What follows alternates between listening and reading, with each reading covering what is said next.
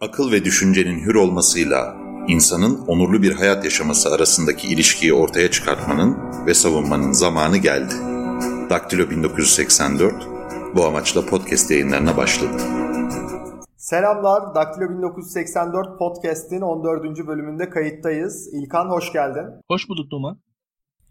İlkan, geçen haftaki yayından beri Türkiye'nin Suriye'deki operasyon ile ilgili pozisyonu ciddi manada değişti. SDF ile rejim anlaştı ve kontrolünde olan bölgeleri Esad'ın ordusunun girmesine izin verdi. Biz de ABD ile ateşkes imzaladık. Artık Esad ile müzakerelerin başlayacağı kesin diyebilir miyiz Suriye özelinde? Ee, şimdi öyle bir şey söylüyorsun ki aslında senin söylediğin dışarıdan bakan birisi için çok mantıklı ama ben öyle düşünmüyorum. Ben bu konuda birazcık daha e, genel yorumculardan farklı düşünüyorum. Ben Türkiye idaresinin, Türk hükümetinin, e, AK Parti hükümetinin e, pragmatik ya da devletçi olduğun olarak adlandırılmasının yeterli olacağını olacağını düşünmüyorum Suriye meselesinde. Türkiye'nin Suriye politikasının, AK Parti'nin Suriye politikası ideolojik bir boyutu olduğuna inananlardanım ben. O açıdan da Esad'la herhangi bir e, anlaşmanın e, fiilen ortaya çıkana kadar ben e, beklentisi içerisine girmiyorum kendi adıma öyle söyleyeyim. Yani Esad'la bu hükümet kolay kolay anlaşamaz. Yani bu hükümetin kendisi açısından varlık sebebi zaten Esad'la anlaşmıyor oluşu diye düşünüyorum. Ve e, Suriye meselesinin de bu hükümetin e, bir şekilde varlık sebeplerinden birisi haline geldiğini, hükümetin yani AK Parti hükümetinin 2007'lerden 2008'lerden sonra yani iki dönüşümünün en önemli köşe taşlarından birisinin Suriye meselesi olduğunu düşünüyorum. Yani e, benim açımdan AK Parti iktidarının ilk döneminde nasıl Avrupa Birliği meselesi vardıysa şu anda da Suriye meselesi var. Yani AK Parti iktidarını ikiye bölersem Avrupa Birliği ile olan ilişkilerinin damga vurduğu ilk dönemi, ikinci döneminde Suriye ile olan ilişkilerine damga vurduğu dönemi olarak adlandırabilirim açıkçası. Biraz ben böyle görüyorum. Yani içeride de Kürt meselesi üzerinden değerlendirirsek zaten daha da güzel açığa çıkar bu. Yani dışarıda ilk dönemi açısından Avrupa Birliği, ikinci dönemi açısından Suriye, iç, iç politikada ise Kürt meselesi üzerinden e, AK Parti iktidarı bence çok daha güzel bir şekilde yani ikiye ayrılacaksa böyle ayrılabilir diye düşünenlerdenim. Biraz yani benim açımdan Suriye meselesi AK Parti iktidarı mesela Yunanistan'la olan meselesi gibi değil. Ya da işte İran'la olan veyahut da Rusya ile olan meselesi gibi değil. İdeolojik ve kendisini dünyada gördüğü yer açısından da anlamlı bir mesele olarak görüyorum ben. Yani bir basit bir çıkar kavgasından daha öte bir mesele olarak görüyorum Suriye meselesi. Açıkçası biraz burada farklılaşıyorum genel algıdan. Belki seninkinden de. Ee, o yüzden ben hükümetin e, Beşar Esad'la anlaşmasına veyahut da bir e, yakınlaşan bir ilişkiye o kadar e, beklenti içerisinde değilim öyle bir ilişki beklentisi içerisinde değilim. Bekleyelim görelim. Yani eğer olursa ben de herkesle beraber izlerim ama e, benim ya yarın olacaktır böyle bir şey diye tahmin ettiğim bir e, hadise değil bu. Ama Suriye meselesinde tabii e, çok konu var. Yani bu Amerika ile ilişkiler, Rusya ile ilişkiler, e, Türkiye'nin e, yaşadığı yoğun tepki çok konuşulacak konu açıkçası. Yani e, ve burada Türkiye açısından e, daha tartışmamız gereken çok şey var. Sırf Suriye'de değil yani. Suriye meselesi çünkü Suriye meselesi olmaktan başka bir şey haline. Yani Suriye meselesinden daha öte bir şey de haline geldi. Uluslararası gündemin birinci sırasına çıktı vesaire. Bunu çok konuşuruz seninle daha. O zaman bunun üstünden devam edelim. Bu operasyonun bana gösterdiği şeylerden bir tanesi Türkiye'nin uluslararası kamuoyunda ne kadar kötü temsil edildiğiydi. Ee, operasyon başladıktan sonra yani öyle bir hava oluşturuldu ki Türkiye ciddi manada bir soykırım yapıyormuş gibi Avrupa medyasından özellikle takip ettiğimizde yalan haberler de çok fazla içeren videolar ve haberler ortaya çıktı. Burada tabii iç, yani operasyona bakış açımı değerlendirmeden söylüyorum bunu. Türkiye çok kötü bir PR yapıyor kendi açısından. Bu kadar da kötü değildi daha önceki dönemlerde. Bunun sebebi ne sence? Sadece liyakatsiz insanların olması mı yoksa artık kimsenin e, Türkiye'yi yönetenlerin sözünü dinlemek istememesi mi? E, bir iki faktörü var. E, ilk sırayla sayayım. öncelikle e, Türk hükümetinin e, Batı kamuoyları üzerindeki itibarı bitmiş durumda. Yani baştan aşağı bitmiş durumda. Türk hükümetinin Batı kamuoylarına anlatacağı bir hikayesi kalmamış durumda. İşin kötüsü şu, Türk hükümetinin e, Türkiye'nin gücünden dolayı, Türkiye'nin kimi kaldıraçlarından dolayı, işte Avrupa Birliği ile ilişkin yoğun ticaretinden veyahut da Türkiye'nin dünyanın güvenlik stratejik e, ağırlığından, Türkiye'nin e, işte mülteci meselesindeki etkisinden, Türkiye'nin NATO'daki gücünden, Türkiye'nin ekonomik gücünden vesaire dünya hükümetleri üzerinde Türkiye'nin bir gücü de var. Onu da söylemek lazım. Ancak dünya kamuoyları bu güçten rahatsız ve kamuoylarıyla hükümetler arasındaki ayrışmayı da görüyoruz burada Türkiye üzerinden ve mesela dünyada biz popülizm konuşurken yönetici elitlerle halklar arasındaki farklılaşmadan bahsediyoruz ya. Türkiye meselesi de dünyada yönetici elitlerle oradaki batı toplumları arasındaki farklılaşmanın e, görüldüğü bir mesele oldu. Bunu ortaya koymak lazım. Yani şu anda dünya kamuoyunda Türkiye sevilmeyen bir ülke. Bunun şu an bizim e, yakın ve hani ivedilikle dış politikamıza etkisi olur mu emin değilim. Olmaz muhtemelen. Ya da beklendiği kadar olmaz ama şu var uzun vadede Türkiye'nin başına bu e, itibar e, ve Türkiye bakış da e, belli çoraplar ölecektir kesinlikle. Bir defa bunu ortaya koymak lazım. Devam edeyim. E, bir diğer e, hadise şu. Dünyada Türkiye'nin e, anlaşma yaptığı kişiyle dünyanın kalanının sorunu var. Donald Trump'a Donald Trump'a dair dünyanın sorunları var. Donald Trump'ın temsil ettiği değerlere dair, Donald Trump'ın yaklaşımına dair, Donald Trump'ın üslubuna dair e, zaten Amerika içerisinde Donald Trump'ın kendi direkt muhaliflerinin sorunları var ve e, tüm dünyada Donald Trump'ın muhalifleri var. Donald Trump'ın tüm muhalifleri de Türkiye karşısında ayrıca hizaya girdiler. Ve bütün bunların yanında Türkiye'nin zaten fiili karnesi iyi değildi. Yani e, işte bu yargı meselesini önceki yayınlarda konuştuk. Onun dışında insan hakları meselesi, zaten Kürt meselesi vesaire Türkiye'nin zaten e, belli sorunları da hala hazırda mevcuttu. Bütün bunlar bir araya geldi ve öyle bir şey ya ortaya çıktı ki e, işin şey tarafı yani senin dediğin ilginç tarafı şu Amerika, Amerikan kamuoyu, Avrupa kamuoyu, Avrupa kamuoyunda tüm ülkeler. Yani hiçbir ülke Türkiye'nin yanında e, belli bir e, yaklaşımda bulunmadı. Onun dışında Arap Birliği, Arap dünyasının Hindistan'ından e, İran'ına tüm dünya kamuoyu yani birkaç ülke hariç neredeyse işte Pakistan, Azerbaycan, Katar hariç hiçbir ülke kamuoyundan Türkiye'ye bir destek gelmedi. Türkiye ile beraber hiç kimse hissetmedi kendisini.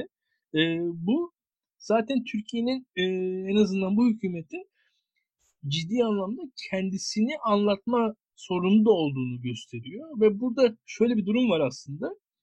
E, hükümeti yöneten kişilerin gerçekten de belli bir liyakat sorunu da var. Çünkü başladıkları işin e, boyutunu öngöremediklerini düşünüyorum.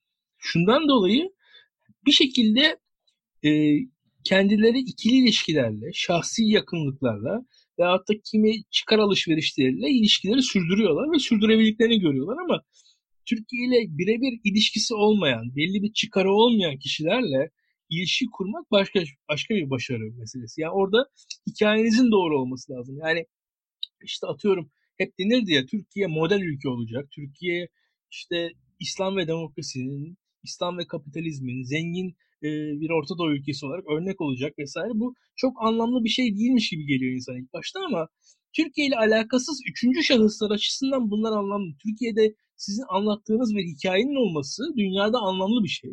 Şu an Türkiye o hikayesini de son 6-7 yılda en azından kaybetmiş bir ülke. Bu kaybın sonucunu da bu tarz olaylarda görüyoruz. Şu an Türkiye'nin anlatacak bir hikayesi yok. Türkiye şu an e, sağa sola bir şekilde gücüyle bir şeyler yaptıran, yapmaya çalışan, bazen başaran, bazen başaramayan bir ülke gibi gözüküyor ve böyle algılanıyor dünyada. İlkan buradan e, bu mektup konusuna geçmek istiyorum esasında. İtibardan bahsettin. E, Donald Trump'ın Tayyip Erdoğan'a yazdığı bir mektup var ve bu doğrulandı. Bu yüzden e, bu konuya geleceğim. Ben açıkçası uzun zamandır Türkiye'nin bu kadar kötü bir duruma düştüğünü hatırlamıyorum diplomatik manada. Mektubun içeriği gerçekten çok kötü. Yani çok kötü kelimeler içeriyor. E, burada aslında iki sorun var bununla alakalı. Bu olanlardan sonra genel olarak yaşadığımız işte bu hakaretlerden sonra Türkiye ve ABD ilişkileri sence nasıl etkilenecek? Aynı zamanda sen bu mektubu nasıl okudun? Neler gösterdi bu sana? Dünyada sevilmeyen adamın e, Türkiye Cumhuriyeti yöneticileriyle ilişkisi gayet iyi ama bu iyilik de belirli yerlerde kurumsal olmadığı için böyle üzücü sonuçlara yol açıyor Türkiye açısından. Bu mektup olayını nasıl değerlendiriyorsun? Şimdi Numan bizim ülkemiz açısından e, bazı şeyler hakikaten kabul edilemez. Dünyada e, gerçekten de protokol denince Osmanlı anılır. Yani e, Osmanlı açısından hatta Türkiye Cumhuriyeti açısından protokol çok önemlidir. Dünyada e, kendi protokol geleneği olan ülkelerden birisi Türkiye Cumhuriyeti. Mesela Rusya'nın böyle bir protokol e, kültürü vardır. E, bu, ve Türkiye hakikaten de ekol olmuş ülkelerden biridir. Bizim dış işlerinde bu çok önemlidir. E, ancak dünyada bir yandan da bu e, klasik yapıların çözüldüğü bir zamanı yaşıyoruz. Bu e, hep diğer yayınlara referans vererek konuşuyor ama hani popülizm konuşurken biz aslında biraz da bunları konuşuyorduk. Yani dünyada şu anda eski klasik yapıların altı çöküyor. Biz de bayağı kötü bir noktasına geldik bunun yıkıntının öyle söyleyeyim yani. Şu an e, öyle bir talihsizlik yaşıyoruz kendi adıma. E, ancak mektubun e, içeriğine doğru dönersen ve mektubun yayınlanma şekline, yayınlanış tarzına doğru e, odaklandığım anda gördüğüm şey ise başka bir şey. Orada hem e, Türkiye'ye dair hem de Amerika'nın içerisine dair orada o mektubun anlamlı olduğunu düşünüyorum. Amerikan yönetiminin içerisinde Türkiye ilişkilere dair bir çatışmanın olduğunu gösteren bir mektup bence o. Ve Amerikan e, yönetiminin içerisinde Türkiye aleyhtarı e, olan güçlerle Türkiye lehine e, konuları yorumlamak isteyen güçler arasında belli bir dengenin gözetilme e, çabasını ben o mektubun içeriğinde görüyorum öyle söyleyeyim. E, ve e, şunu söyleyeyim yani bu o mektubun içeriği tam göründüğü içerik değil bence. Yani o mektubun içeriği aslında e, hem yazılması, yazılış şekli senin bahsettiğin gibi e, üslubu ve ardından da mektubun yayınlanıyor olması. E, çünkü o mektup e, belli bir iradeyle yayınlandı ve oradaki irade e, Amerikan Başkanı Donald Trump'ın iradesiydi ve Donald Trump kendi üslubunu e, ve kendi pozisyonunu güçlendirmek adına o mektubu yayınladı. Bu da aslında Donald Trump'ın e, pozisyonunu ve Donald Trump'ın e, savunduklarını e, altını boşaltmak isteyen de güçler olduğunu yani Amerikan muhalefetinden bahsetmiyorum. Amerikan iktidarında Donald Trump'ın aleyhine çalışanlar olduğunu gösteren bir şey o. Ve o mektubun bir açıdan da Amerikan iktidarının kendi iç çatışmalarını anlattığını düşünüyorum ben. Türkiye açısından tabii skandal. Ee, ve Türkiye açısından da olay biraz da şundan kaynaklanıyor. Amerika ile ilişkilerini Türkiye e, kurumlar arasında artık kuramıyor. E, yani Türk Silahlı Kuvvetleri ile Amerikan Silahlı Kuvvetleri arasında, Türk Dışişleri ile Amerikan Dışişleri arasında, işte Pentagon'la bizim Savunma Bakanlığı arasında bizim tarihsel ilişkilerimiz vardı. E, ancak bugün Amerika ile olan tarihsel ilişkilerimiz yok. Basitçe söylemek gerekirse ve asla eskisi gibi olmayacaktı. Yani bugün Amerika ile biz anlaştık. Şu an bu anlaşmanın üzerinden sorunlar çıkabilir. Ama sorunlar çıkmadı diyelim. Bu anlaşma çok başarılı bir şekilde uygulandı. Tüm güçler bu anlaşmanın kurallarına harfiyen uydular ve bu anlaşmanın ruhu yaşadı diyelim. Bütün bunlar olsa dahi Türk-Amerikan ilişkileri asla eskisi gibi olmayacak. En azından bu iktidar süresince Türk-Amerikan ilişkilerinin ben düzelme ihtimalini görmüyorum. Yani şöyle söyleyeyim. Hmm, case by case gidersek, mesele mesele olaya yaklaştığımız zaman bir sorun çözülebilir ama emin olun ki birkaç ay içerisinde yeni bir sorun yine bu kadar ağırlıkta bir sorunla karşılaşacağız. Çünkü düşünelim Pastor Bronson vardı bir şekilde Pastor Bronson meselesi çözüldü ama sorunlar çözülmedi. İşte S-400 meselesi vardı. Efendim bir şekilde bir noktaya geldi ama o şey işte çözülmedi. İşte Kuzey Irak'a müdahale meselesi vardı. İşte çözüldü. Yani bu, bu, bu sorunların benim veyahut da bunu F-35'lere ekleyebilirsiniz. Doğu Akdeniz'e ekleyebilirsiniz. Halkbank. Halkbank herhangi bir şey yani e, Fethullah Gülen davası diyebilirsiniz. Amerikan konsolosluğundaki çalışanların gözaltına alınması, işte tutuklanması diyebilirsiniz. E, çok fazla şey söyleyebilirsiniz. Muhtemelen şu an bilmediğimiz başka sorunların da çıkacağına ben kendi adıma siyaseti okuduğum e, düzlemden bakınca gördüğüm şey şu ki Türkiye ile Amerika arasında yani biz Türkiye'nin de bu ilişkilerin tamamen düzelmesini istediğini düşünmüyorum ben. Yani Amerika ile sorunsuz ilişkileri şu an bizim yönetimimizin istediğini düşünmüyorum. Amerika ile belli ölçülerde sorunlu bir ilişki istediğini düşünüyorum ve o sorunları yönetmenin e, kendisi açısından daha anlamlı olduğunu düşündüğünü e, düşünüyorum ben. Yani e, Amerika ile Türk hükümeti arasında bence bu iktidar sürdükçe belli bir e, kriz durumu olacak. Çünkü şu anki iktidarın bence e, kriz olmayan e, yapıları yönetmesi daha zor artık. Yani krizi daha iyi yönetiyor bu iktidar. Kendisini öyle görüyor en azından. Amerika ile toz pembe güllük gülistanlık ilişkileri yönetmesi bu iktidarın çok daha zor. Çünkü Amerika ile ilişkiler iyi olduğu zaman Türkiye'de kurumların çalışması gerekiyor. Türkiye'de demokrasinin çalışması gerekiyor. Türkiye'de sistemin düzgün işlemesi gerekiyor. Yani baktığınız zaman e, Amerika ile yaşanan e, sorunlar, kavgalar, dövüşler bir yandan da Türkiye'de işlemeyen şeylerin ikinci plana atılmasını sağlıyor. Yani bu tarz sorunları Türkiye yaşıyor ki bir, biraz da hani nedenler sonuçlar birbirine giriyor burada konuştuğunda biliyorum ama e, dinleyiciler anlayacaktır. Bu e, Türkiye'nin diğer sorunlarının ikinci plana atılmasını da biraz bu sağlıyor. O yüzden Türkiye'nin şu idaresinin bir şekilde bir anlamda olağanüstü hale ihtiyacı var. Yani Türkiye'de olağanüstü hal kaldırıldı ama olağanüstü hal devam ediyor. Şu an hala olağanüstü bir ülkede yaşıyoruz. Ve Türkiye'de olağan hali e, kolay kolay göremeyeceğimizi düşünüyorum. E, olağan hali açıkçası özlüyoruz. Türkiye'de olağan bir hal görmüyorum ben. E, yani o açıdan da böyle değerlendirmek lazım. Bu, bu meseleler yoksa işte Suriye'de iki tane köy aldık, iki tane mezraya biz girdik, iki ilçe, şunun, üç ilçe bunun falan meselesi olduğunu düşünmüyorum Türkiye'li Amerikalı meselesinin. Ee, ve yani Pastor Branson meselesi de olduğunu düşünmüyorum. Halkbank meselesi de olduğunu düşünmüyorum açıkçası şu anda artık. O zaman bu olağanüstü hali e, bitiremeyen bir muhalefet var ve bu muhalefetin de en son yaptığı benim açımdan bir yanlış hamle var. O da tezkere meselesi. Yaklaşık tezkereden 20 gün önce Suriye konferansı düzenledi Cumhuriyet Halk Partisi ve bu konferansta çıkan sonuç bildirgesine tamamen ters bir hareketle Tayyip Erdoğan'ın getirdiği tezkereye evet dedi. Bu operasyonun tabii ki iç siyasete de yansımaları oldu ve olacak. Burada CHP ve HDP arasında adı konulmamış ittifakın bitti, bitirildiğini söyleyebilir miyiz? Ee, kendi adıma şunu söyleyeyim ilk başta.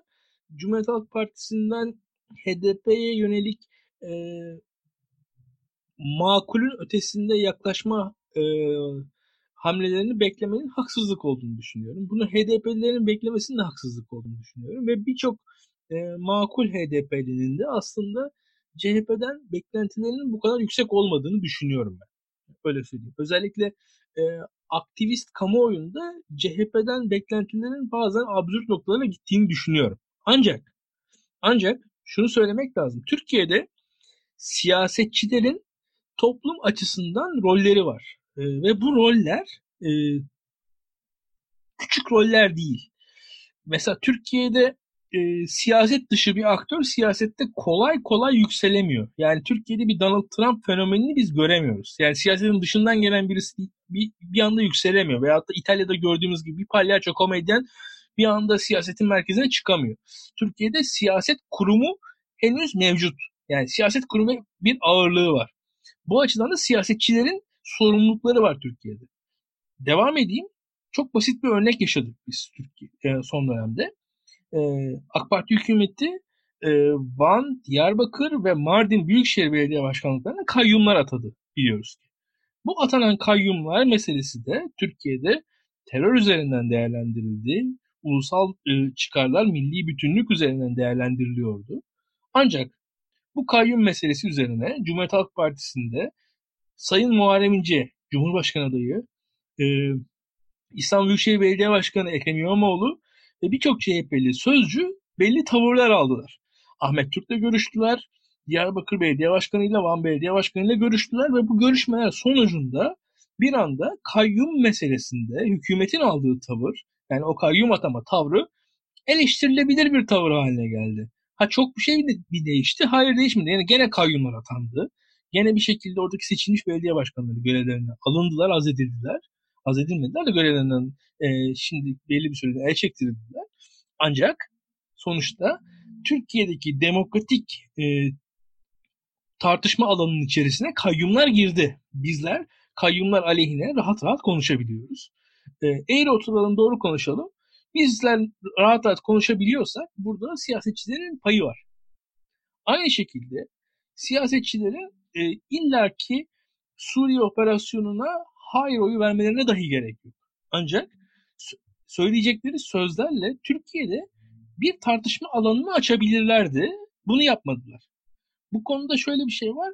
E, siyasetçi konuşmalı. Bakın çok e, Numa e, siyasetçi konuşmalı. Gerçekten konuşmalı. Yani fikrini ortaya koymalı. Hakikaten ne düşünüyorsa söylemeli. Yoksa bu konu siyaset dışıdır demek siyasetçiliğin e, esbabı mucibesine aykırı. Yani siyasetçilik zaten konuşmak demek.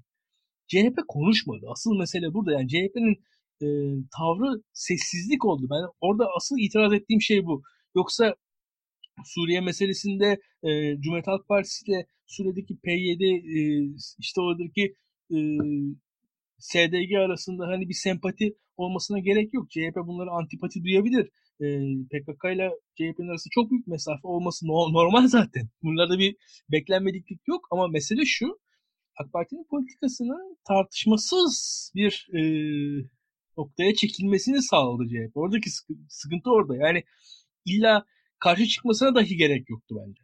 Karşı da çıkmayabilirdi ama şu var bize bir tartışma alanı açabilecek kapasitenin CHP'den gelmesi gerekirdi. Çünkü e, eğri ortadan doğru konuşalım hareket başladıktan sonra siyasal tartışma fiilen bitmişti. Yani kimse konuşamaz haldeydi. Şu an hareket... Benim de itiraz ettiğim nokta tam orada zaten. Yani ben CHP'nin Suriye'ye karşı bir yani girmeyelim gibi bir tavır alıp almamasını beklemiyorum. Bunun tartışılması gerektiğini söylüyorum. Sorun şu yani 20 gün önce bir konferans yapmışsın. Dış müdahalelerin bölgeyi istikrarsızlaştırdığını söylemişsin. Ardından e, tezkere meselesi çıkınca ortaya içimiz yana yana evet diyeceğiz dedi Kemal Kılıçdaroğlu. Neden içiniz yanıyor? Neden oraya girmeliyiz, neden oraya girmemeliyiz? Bunlar kamuoyunda hiç tartışılmadı. Yani bir anda siyasi otorite karar verdi. Biz buraya gireceğiz dendi. Ama ana muhalefet partisi neden buraya girdiğimizi, neden yani buraya girmenin muradımızın ne olduğunu, ne yaparsak başarılı olacağımızı hiçbiri tartışmaya açmadı. E, günün sonunda böyle olduğunda da biz burada konuşamaz hale geldik. Kesinlikle kesinlikle. Ya mesela içimiz yana yana düşünüyorum neden içimiz yana yana diyebilir Cumhuriyet Halk Partisi. Ee, en azından Kılıçdaroğlu çizgisinden baktığım zaman mesele şuydu e, PKK-PYD ile mücadele edilmesi açısından değil ama büyük ihtimalle Suriye'ye yapılan harekatın e, ÖSO e, başta olmak üzere oradaki radikal Sünni unsurlar üzerindeki etkisi üzerinden değerlendiriyordu. Ve Cumhuriyet Halk Partisi ben, ben biliyorum ki aslında ÖSO ve benzeri yapılara dair çok sert eleştirileri var. Ve bu sert eleştiriler e, şu aşamada e, savaş e, şartları gereğince CHP tarafından neredeyse hasır altı edildi. Yani anlatabiliyor muyum? Mesela yani burada başka zamanda e, başka zamanlarda e, Türkiye'deki CHP tandanslı medyada bizim çok rahat görebileceğimiz ÖSO eleştirileri, Özgür Suriye Ordusu, şimdi Suriye Milli Ordusu yaptılar onu. Ona dair ve Türkiye'deki Suriye muhalefetine dair e, çok rahat yapılmış eleştiriler şu anda e, geri plana atıldı. Zaten biz bunları konuşmadığımız için de biraz bunlar oluyor. Yani e, ve şunu da söylemem lazım. Benim açımdan Suriye'de ye dair hükümetin yaptığı tüm eylemlerde işin bir e, Suriye muhalefeti boyutu var. Yani bu işi ben asla e, sadece ve sadece PKK, PYD, SDG, e, Suriye Demokratik Gücü vesaire üzerinden değerlendiremiyorum. İlkan son olarak Devlet Bahçeli'den bahsetmek istiyorum biraz. Kendisi bir rahatsızlık yaşadı. Ardından e, tekrar pazartesi günü kamuoyuna çıktı.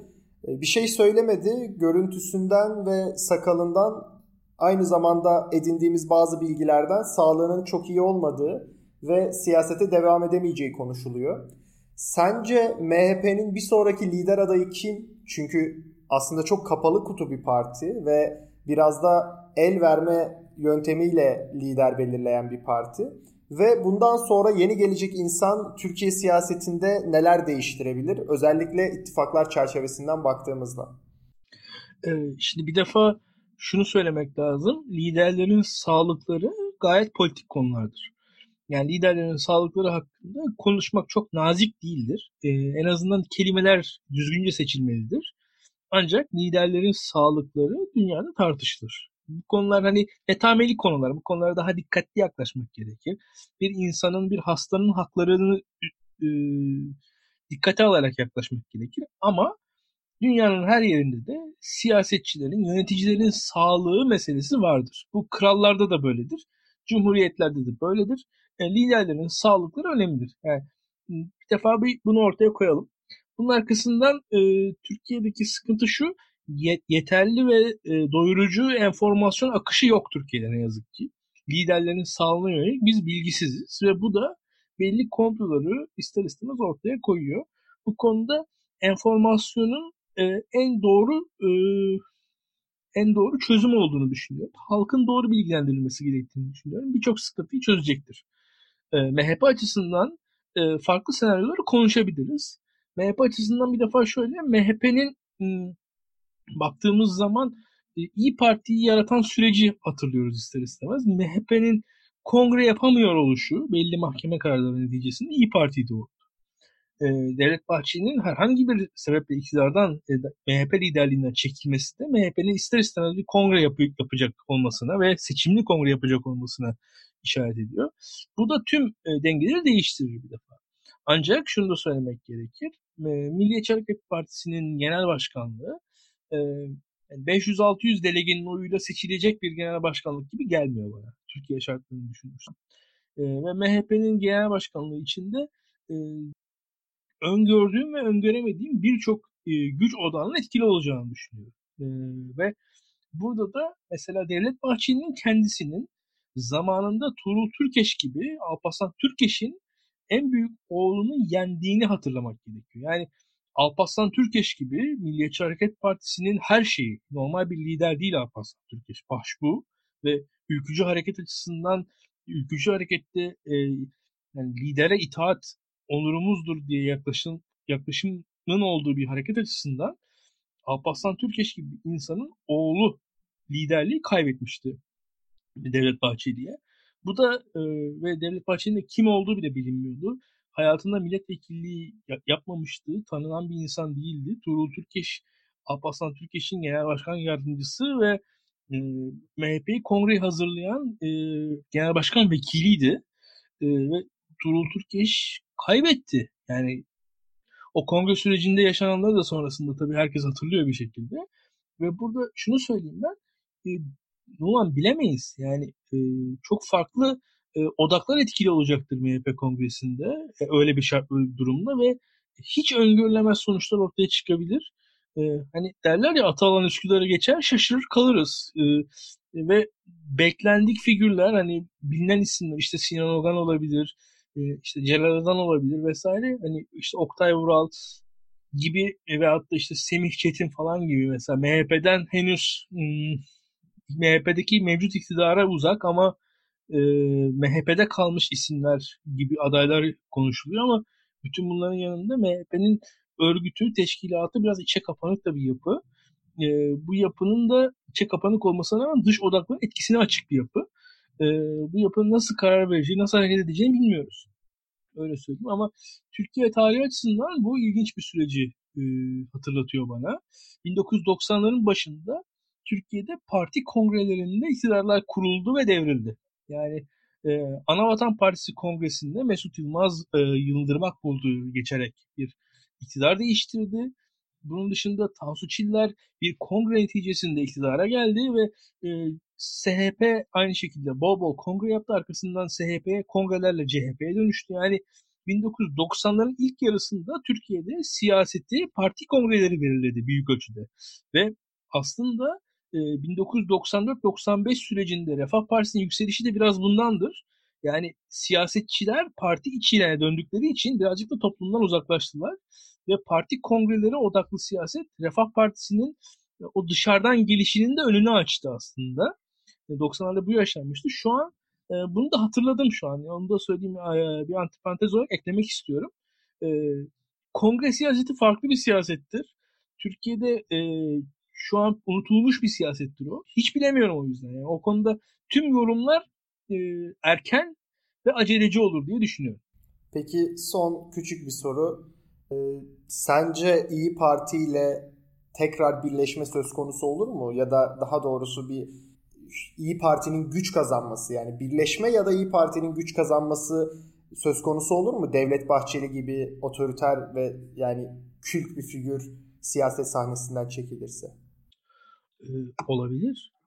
Ben kendi adıma e, demografik olarak ve sosyolojik olarak İyi Parti'nin önünün açık olduğunu düşünenlerden. İyi Parti Türkiye'de her ne kadar fırsatları iyi kullanamamış olsa da e, bence önü açık olan bir siyasal parti. Bu konuda yani Bekir Ağırdır'ın tespiti çok doğru. Kentlerde yaşayan, modern hayatı yaşayan ama geleneksel değerlere bağlı ve hani Türkiye'de modern hayat yaşayan ama geleneksel değerlere bağlı dediğiniz kitle yani %30-40 yani baktığınız zaman bu kitle hani yani hem modern hayata bir şekilde ailesinin bir ucuyla değiyor hem de geleneksel değerlere devlet, vatan, millet, İslam bağlı e, Türkiye'de %30-40 bir kitle var neredeyse. İyi Parti bunların tamamına erişebilir. E, ve kentlerde böyle yaygınlaştıktan sonra kırsala da erişir. Çok da zor değil o.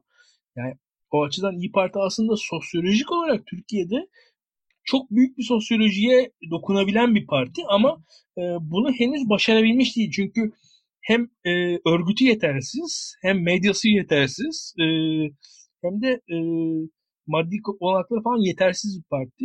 Milliyetçi Hareket Partisi'nin e, sahadan çekilmesi bir ölçüde İyi Parti'nin önünü kesinlikle açacaktır. Böyle söyleyeyim. Ben birleşmeyi ise pek anlamlı görmüyorum. Şundan dolayı e, normal hmm, hayat, dünya e, bölünmeyle e, devam eder. Yani e, canlılar bölünür. E, bölünerek çoğalırlar. Hani bölünen e, AK Parti bir partinin bölünmesinden ortaya çıktı. Yani partilerin birleşmesinin ben çok iyi neticeler verdiğini de görmedim ayrıca. Öyle söyleyeyim.